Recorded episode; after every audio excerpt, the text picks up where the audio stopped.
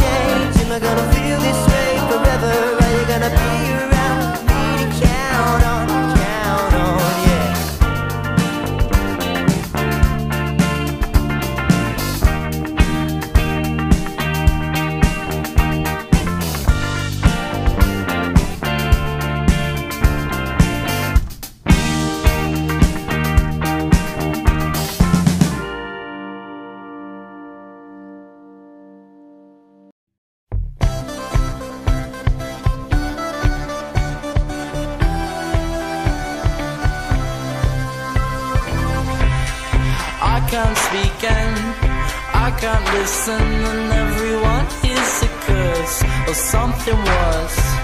What can I say to the kid that made you complaining like you were made to when you hate every god I pray to?